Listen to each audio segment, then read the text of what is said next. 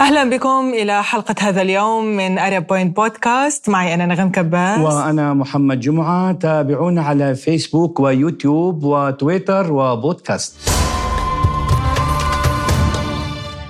فوز أردوغان بالانتخابات الرئاسية. كيف سيؤثر على الدول العربية؟ كيف ستتغير السياسة الخارجية؟ وكيف ستكون الأدوار التركية المقبلة بالأزمة الأوكرانية. هذا الموضوع نناقشه اليوم مع الأستاذ بسام البنية الخبير بالعلاقات الدولية. أهلا بك أستاذ بسام. يعني قبل أن نتكلم عن تأثير فوز أردوغان آه، على علاقات تركيا مع الدول الأخرى ننطلق الآن من الداخل التركي. يقال أنه كل الخبراء والمنظمات التي عملت في تركيا على استطلاع الرأي بحتمية نجاح كمال أوغلو آه، تبين أنهم فشلوا يعني آه، فشلوا حتى على المراهنه بأن الشعب التركي آه، مل من أردوغان وسئم سياسته الخارجية. السؤال يعني دكتور لماذا فاز أردوغان؟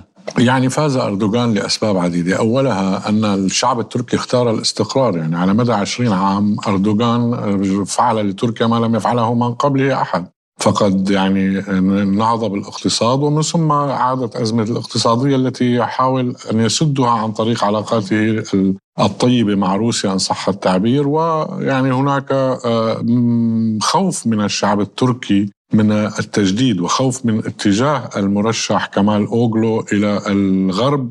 الذي يريد لتركيا ودول العالم أن تبقى تحت الهيمنة الغربية، فالشعب التركي اختار الاستقلال بدل الهيمنة الغربية على بلاده. طيب بالانتقال إلى ما بدأه أردوغان في نهاية ولايته السابقة، يعني توجه نحو تصفير المشاكل. آه، اليوم ربما فرصة جديدة تعطى لأردوغان بإكمال ما بدأه وخاصة في ملف سوريا. يعني نعم. نعلم بأن هناك قطيعة بين سوريا وتركيا هناك أراضي محتلة من قبل تركيا سوريا آه، اليوم يقولون أن هناك قمة يعد لها آه، بين الرئيس أردوغان والرئيس الأسد هل تتوقع يعني حضرتك بأن أردوغان سيكمل مسيره باتجاه دمشق؟ يعني أنا أعتقد أن بالجهود الإيرانية والروسية آه، سيلتقي الأسد مع أردوغان آه، يعني خلال أشهر إن صح التعبير. لأن من مصلحة سوريا ومن مصلحة تركيا التطبيع في العلاقات ومحاربة الإرهاب على الأراضي السورية. ولكن الأسد يعني الرئيس الأسد يعني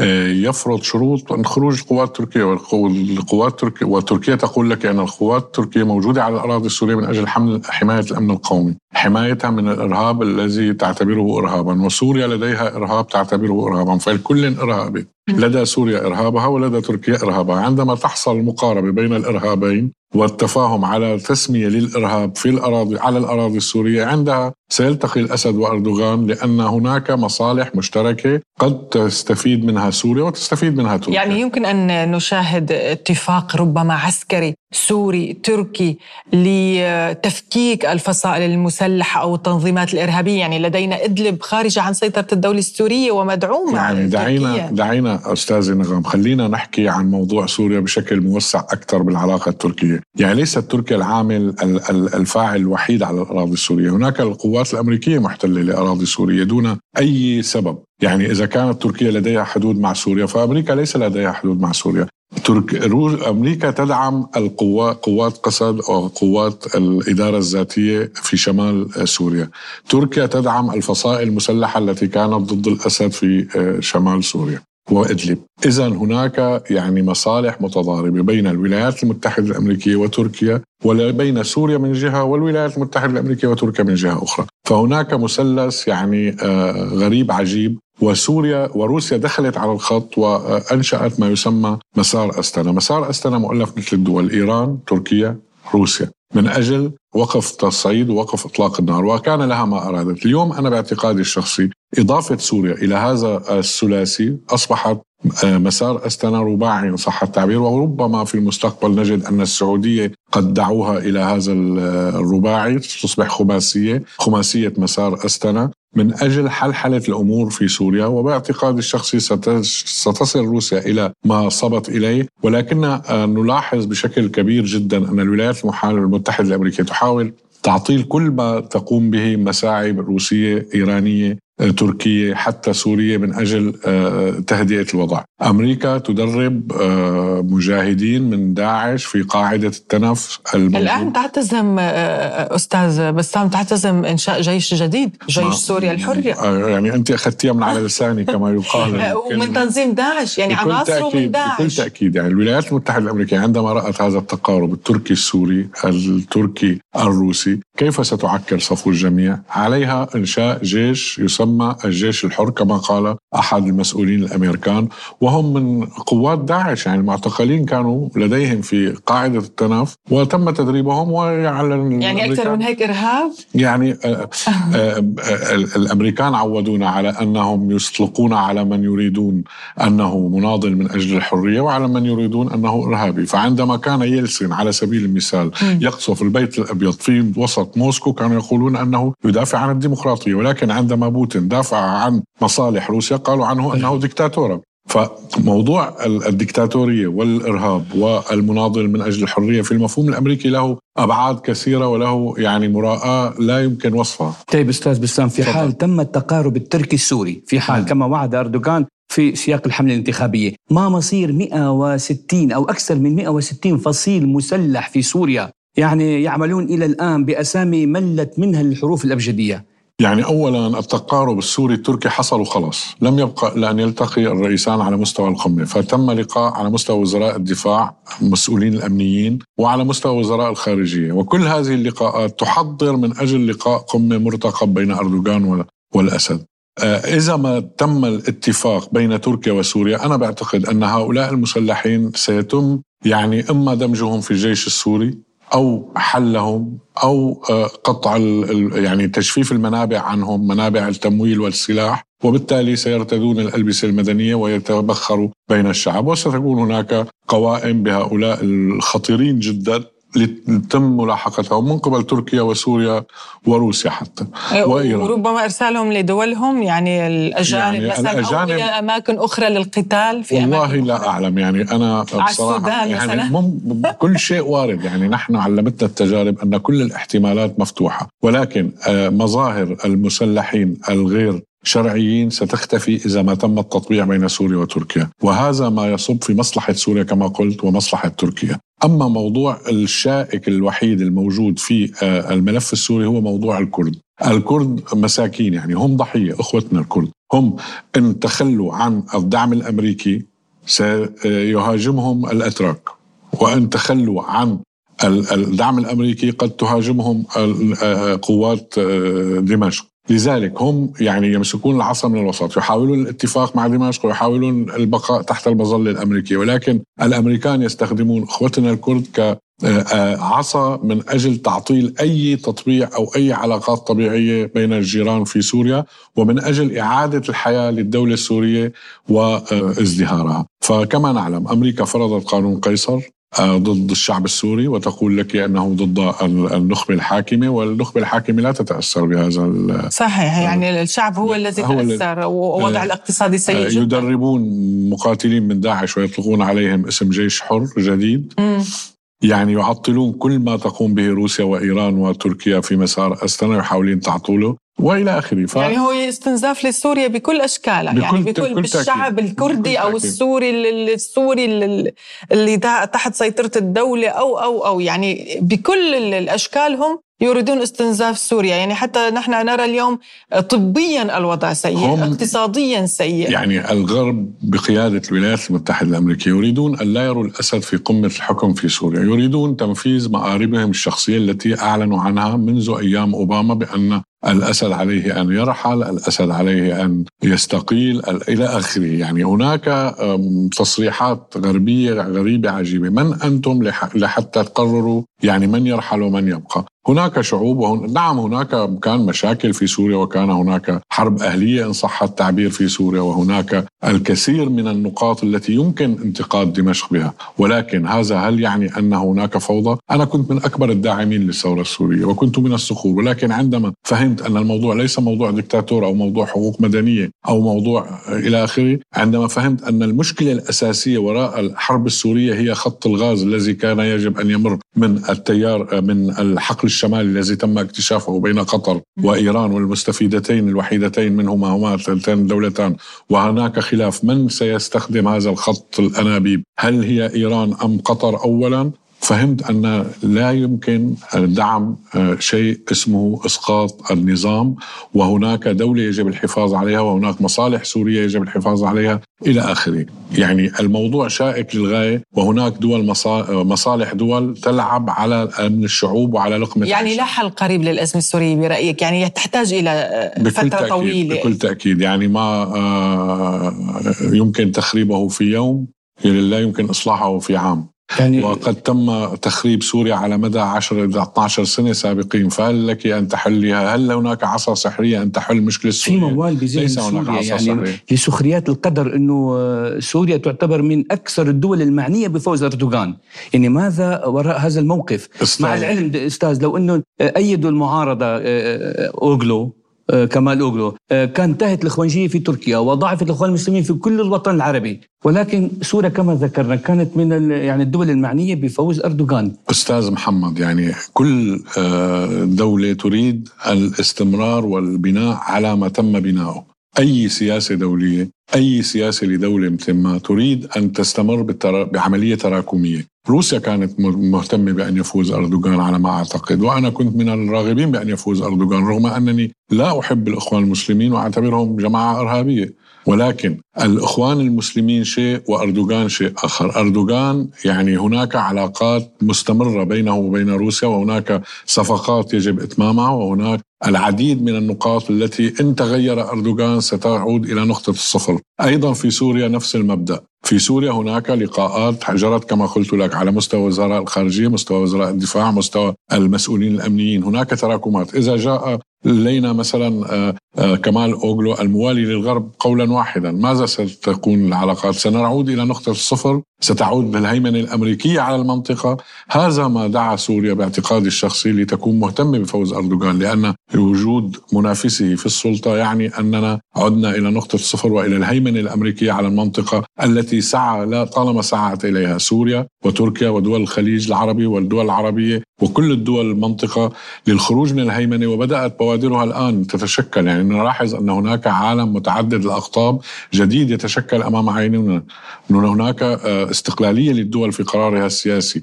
ورغم الضغوط الغربية ورغم الضغوط الأمريكية هناك دول تقول لأمريكا لا أنا لا أريد هذا الشيء. أكبر دليل على ذلك انسحاب الإمارات من قوات البحرية. الحماية الخليج يعني والتجميع أنا لا أدافع عن أوغلو كمال أوغلو ولكن أردوغان الكل يعرف الجميع أنه تبنى سياسة إقليمية قوية. استعرض فيها قوة تركيا العسكرية في الشرق الأوسط وخارج الشرق الأوسط. يعني توغل في المدن السورية أرسل قوات إلى العراق محاربة الأكراد المسلحين أرسل مرتزقة إلى ليبيا إلى أذربيجان دافع عن قوات حكومة الوفاق الوطني. طيب يعني آه، هذا يعني نقول إنه أوغلو لنقول ينسجم مع الغرب فلينسجم. لنقول لنقول. اسمع أستاذ محمد يعني اولا أردوغان يدافع عن المصالح التركية وأي رئيس من حقه أن يدافع عن مصالح بلده. ولكن المكتسبات التي يمكن أن يحققها أي رئيس عندما يدافع عن مصالح بلده هي حسب ما يسمح له الخصم.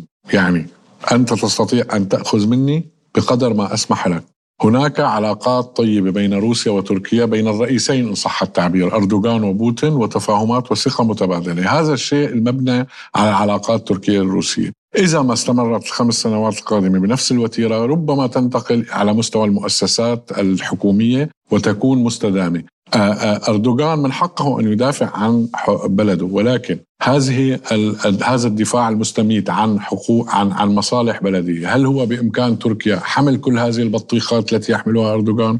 هنا السؤال. ربما تكون روسيا المصطدم الأول مع أردوغان عندما تصل الأمور إلى منطقة آسيا وعندما يعلن عن العالم التركي وإلى آخره، يعني هناك نقاط شائكة وكل العالم يقول عن أردوغان سواء الغرب أو روسيا أو الصين يقولون عن الشراكة مع تركيا بأنه شريك شائك ومتعب يعني شريك متعب. ولكنه شريك موثوق. هنا الثقة تلعب دور في العلاقات الدولية. عندما يكون هناك ثقة بين رئيسين هذا أمر مهم للغاية لأننا عندما لا يكون هناك ثقة كما حدث مع الولايات المتحدة الأمريكية وروسيا نجد العلاقات قد تضررت بشكل كبير وصلت إلى حد تسمية البعض للآخر أعداء. يعني كنا نسمع الرئيس بوتين يقول شركاء عن الولايات المتحدة الأمريكية اليوم يقول عنهم أعداء. يعني حتى لا يقول أنهم منافسين بل قال بل, أصبح لقب الولايات المتحدة الأمريكية عدو. نتيجة فقدان الثقة نتيجة التصرفات الفوقية التي تقوم بها الولايات وسننتقل إلى موضوع أوكرانيا وروسيا والعلاقة مع تركيا ولكن سؤال أخير بما يخص سوريا تركيا لأنه عندنا عدة محاور بالحلقة.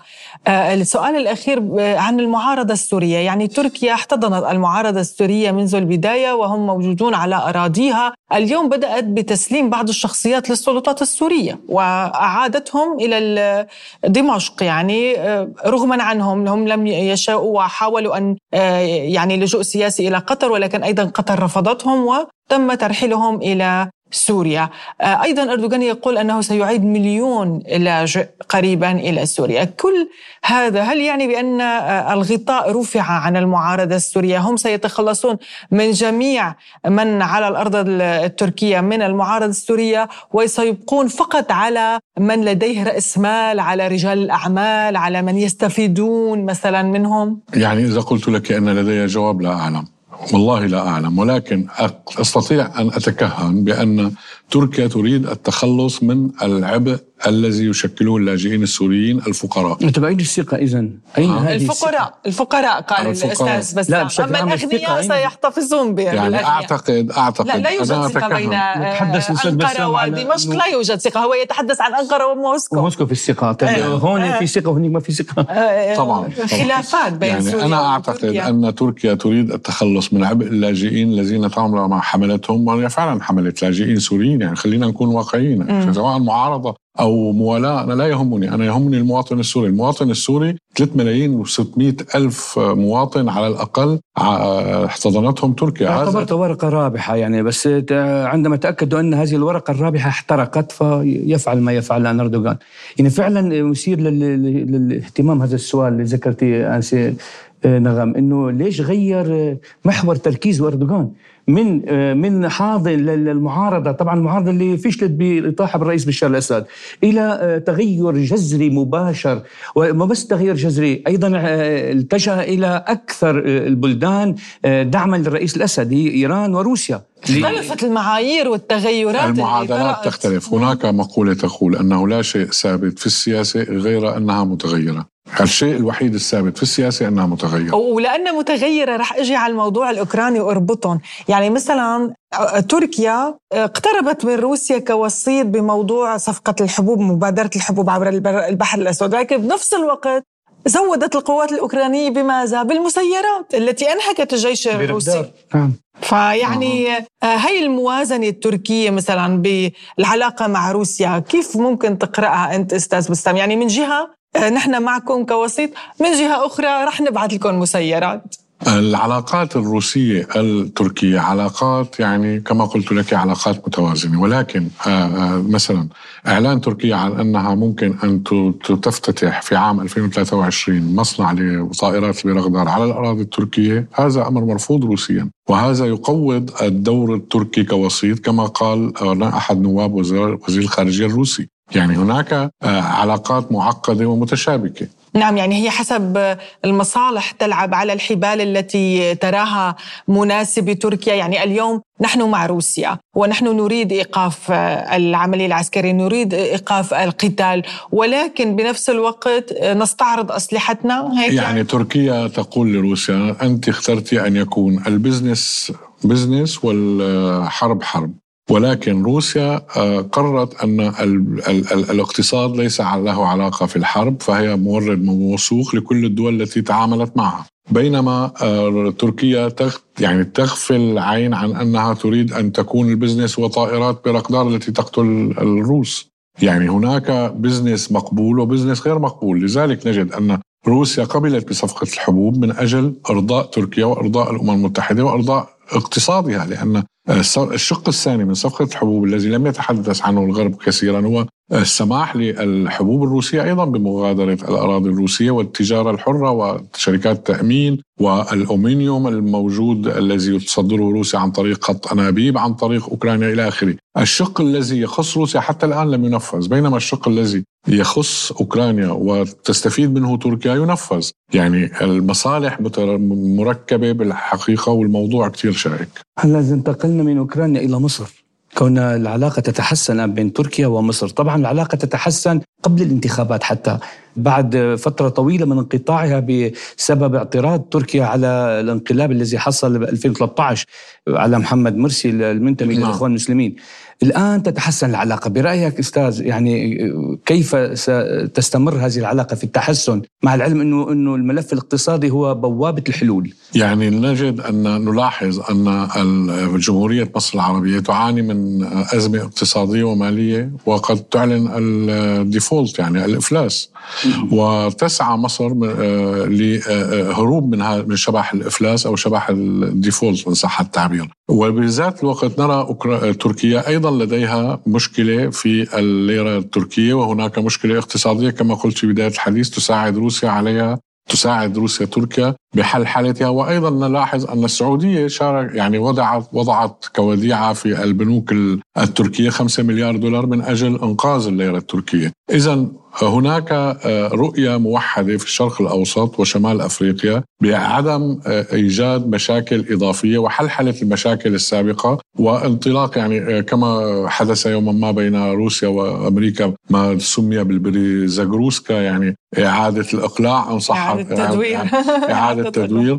فهناك في الشرق الأوسط يحدث إعادة تدوير الوضع إعادة الوضوء المواضيع أو المسائل إلى جذورها وتصفير مشاكل. هذا في صب في مصلحة مصر ومصلحة تركيا ومصلحة السعودية التي نلاحظ تقاربها مع مع إيران والتطبيع مع ايران يعني هناك في الشرق الأوسط إصرار على يبدو لي كذلك يعني أن هناك في الشرق الأوسط إصرار على تجنب الهيمنة الأمريكية إن صح التعبير. بس بالمقارنه الخروج من العباءة قليلا يعني, يعني ممكن ممكن يكون تسميه الخروج من تحت العباءة الأمريكية. ولكن هل ستستطيع هذه الدول الخروج فعلا؟ هناك ضغوطات أمريكية وغربية قوية على المنطقة ولكن المنطقة تحاول أن تخرج. وذلك ليش؟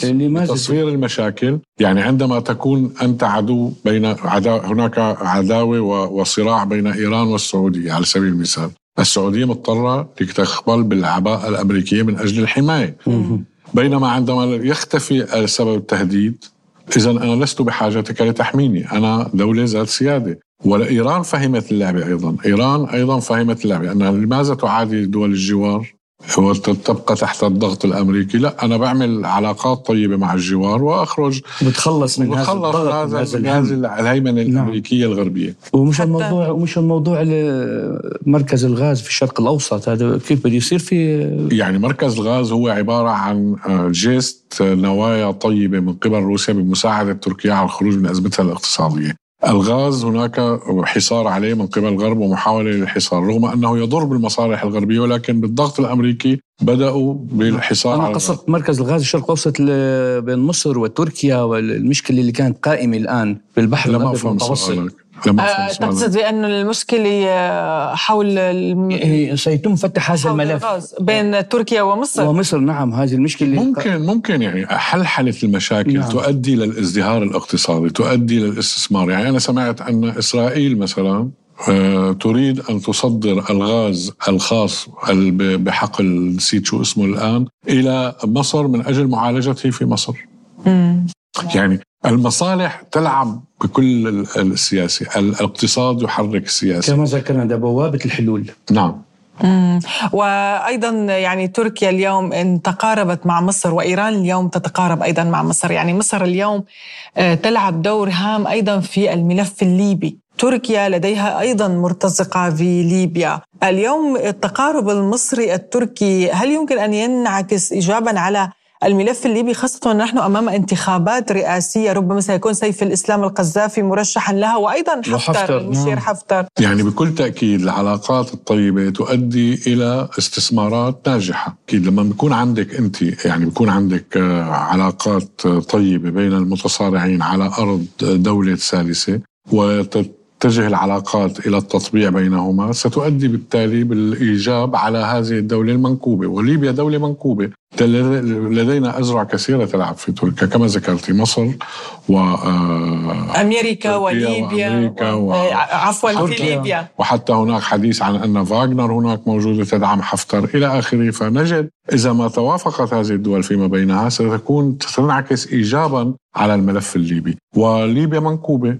وكما السودان منكوبة وكما آه، يعني سوريا منكوبة وهناك اليمن منكوبة فهذه العلاقات إن استمرت بالتطبيع العلاقات وطيبة الجوار ويعني سنجد ازدهار إن شاء الله في كل الدول المنكوبة. ولكن أنا لا ألاح لا أعتقد أن هذا الازدهار سيكون في الوقت المنظور. ربما يحتاج هناك إلى سنوات يحتاج إلى وقت. لأنه نحن نتحدث أيضا عن طرف مهم بهذه الصراعات اللي هو الولايات المتحدة الأمريكية اللي التي تلعب دور المعطل. يعني أمريكا في كل مكان تتصرف بطريقة فرق تسد الفوضى الخلاقة من اخترع هذا المصطلح؟ أليست الولايات المتحدة الأمريكية؟ الشرق الأوسط الجديد من اخترع هذا المصطلح؟ أليست الولايات المتحدة حتى الربيع العربي؟ الربيع العربي من اخترع؟ يعني هناك في الولايات المتحدة الأمريكية قناعة بأنه كلما تناحر الأطراف كلما كان دور الولايات المتحدة الأمريكية أكبر. بينما روسيا نلاحظ هناك خلاف جوهري عن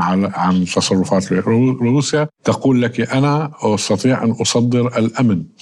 أنا أستطيع أن أصدر ال ال ال احترام المتبادل للمصالح. أنا أستطيع أن أصدر أن العلاقة تكون ديمقراطية بين الدول يعني الديمقراطية الدولية كما ذكروا روسيا في تواكب في تناغم. في في آه، مجموعة بريكس اجتماع وزراء خارجية بريكس أن روسيا مع الديمقراطية الدولية أن يكون هناك لكل دولة صوتها السيادي الخاص بها وروسيا تحترم هذا الشيء. نعم يعني وهي روسيا لها الدور الأكبر ربما بهذا التقارب التركي مع الدول العربية لأنه كانت كوسيط بكل تأكيد. بحلحلة هذه الملفات بالنسبة لليبيا يعني تركيا لعبت دور كبير بليبيا الآن عملت توازن بين الغرب والشرق وتدعم هناك وترسل مرتزقة إلى آخره. الآن بهم أكثر هون بهذا اللقاء أنه بعد فوز أردوغان كيف ستستمر العلاقة مع آه، ليبيا؟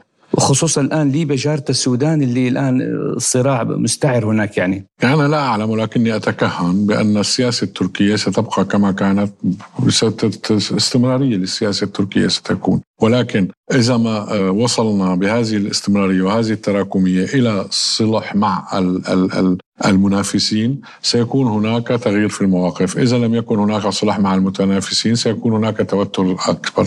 نعم ماذا عن العراق هو ختام الحلقة اليوم عن العراق.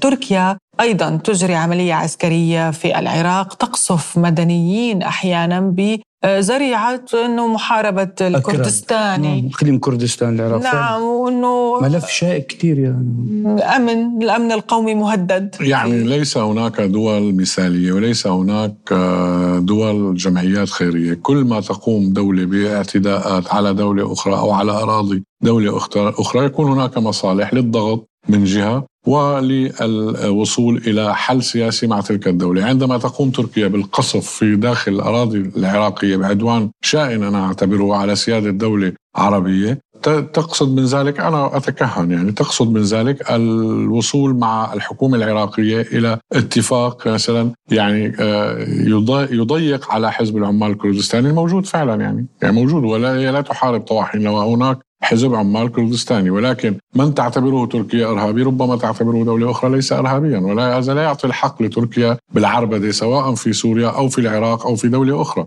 ولكن السياسة القوي يعني. آه، تركيا عندما تكون أكبر ثاني جيش في الناتو تسمح لنفسها بمثل هذه التصرفات. والولايات المتحدة الأمريكية تغض النظر عن ذلك لأنها لا تريد إساءة للعلاقات التركية أكثر ما هي يعني مخروبة إن صح التعبير. يعني اليوم آه، العلاقات التركية مع الناتو كثير سيئة يعني رغم أن أن ليس لدي أوهام بأنه إذا ما آه، تم وضع تركيا أمام خيار الناتو أو العالم الآخر ستختار الناتو لأن ليس لديها خيار آخر. فهناك قواعد عسكرية في تركيا وهناك أسلحة أمريكية في تركيا وإلى آخره. ولكن هناك لعبة يلعبها أردوغان هي لعبة توازن واللعب على العالم المتعدد الأقطاب الذي أنتجته روسيا نتيجة الحرب أو العملية العسكرية الخاصة في أوكرانيا ونتيجة التقارب الصيني الروسي ونتيجة نشاط مجموعة البريكس. التي أوجدت في حقيقة الأمر عالم متعدد الأقطاب. لذلك نجد اليوم أردوغان يجلس على الطاولة ويساوم. أنا أقول لكم هكذا أنا أريد هكذا. انضغط على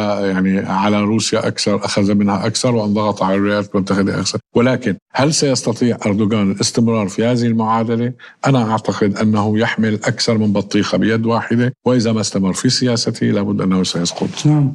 إذا أردوغان فاز في الانتخابات الرئاسية. وفوزه حقيقة يعني آه، يلقي بظلاله على آه، ملفات عديدة. آه، إقليمية ودولية. م. وأنا برأيي أيضا كمان يعني هذه الملفات ستكون ربما اختبار لسياسة تركيا وعلاقاتها مع جيرانها اختبار حقيقي وحق في المحك يعني. هي فرصة الأخيرة نعم. لأردوغان فرصته الأخيرة إثبات حسن النية باتجاه وتصور جديد أيضا لمستقبل تركيا يعني, يعني أنا آه تابعت خطاب النصر لأردوغان. هناك خطاب نار يعني يقول لك نحن حدودنا من القوقاز إلى أوروبا ومن البحر إلى ال... والله نسيت شو الأحلام العثمانية يعني. يعني, يعني نعم هو يقول أننا سن... سنقوم بمشروع تركيا الجديد. فهل السؤال هنا يطرح نفسه هل سيستطيع أردوغان؟ إذا استطاع حلال عليه هو يدافع عن مصالح تركيا وأنا أحترم أي رجل يدافع عن مصالح بلده.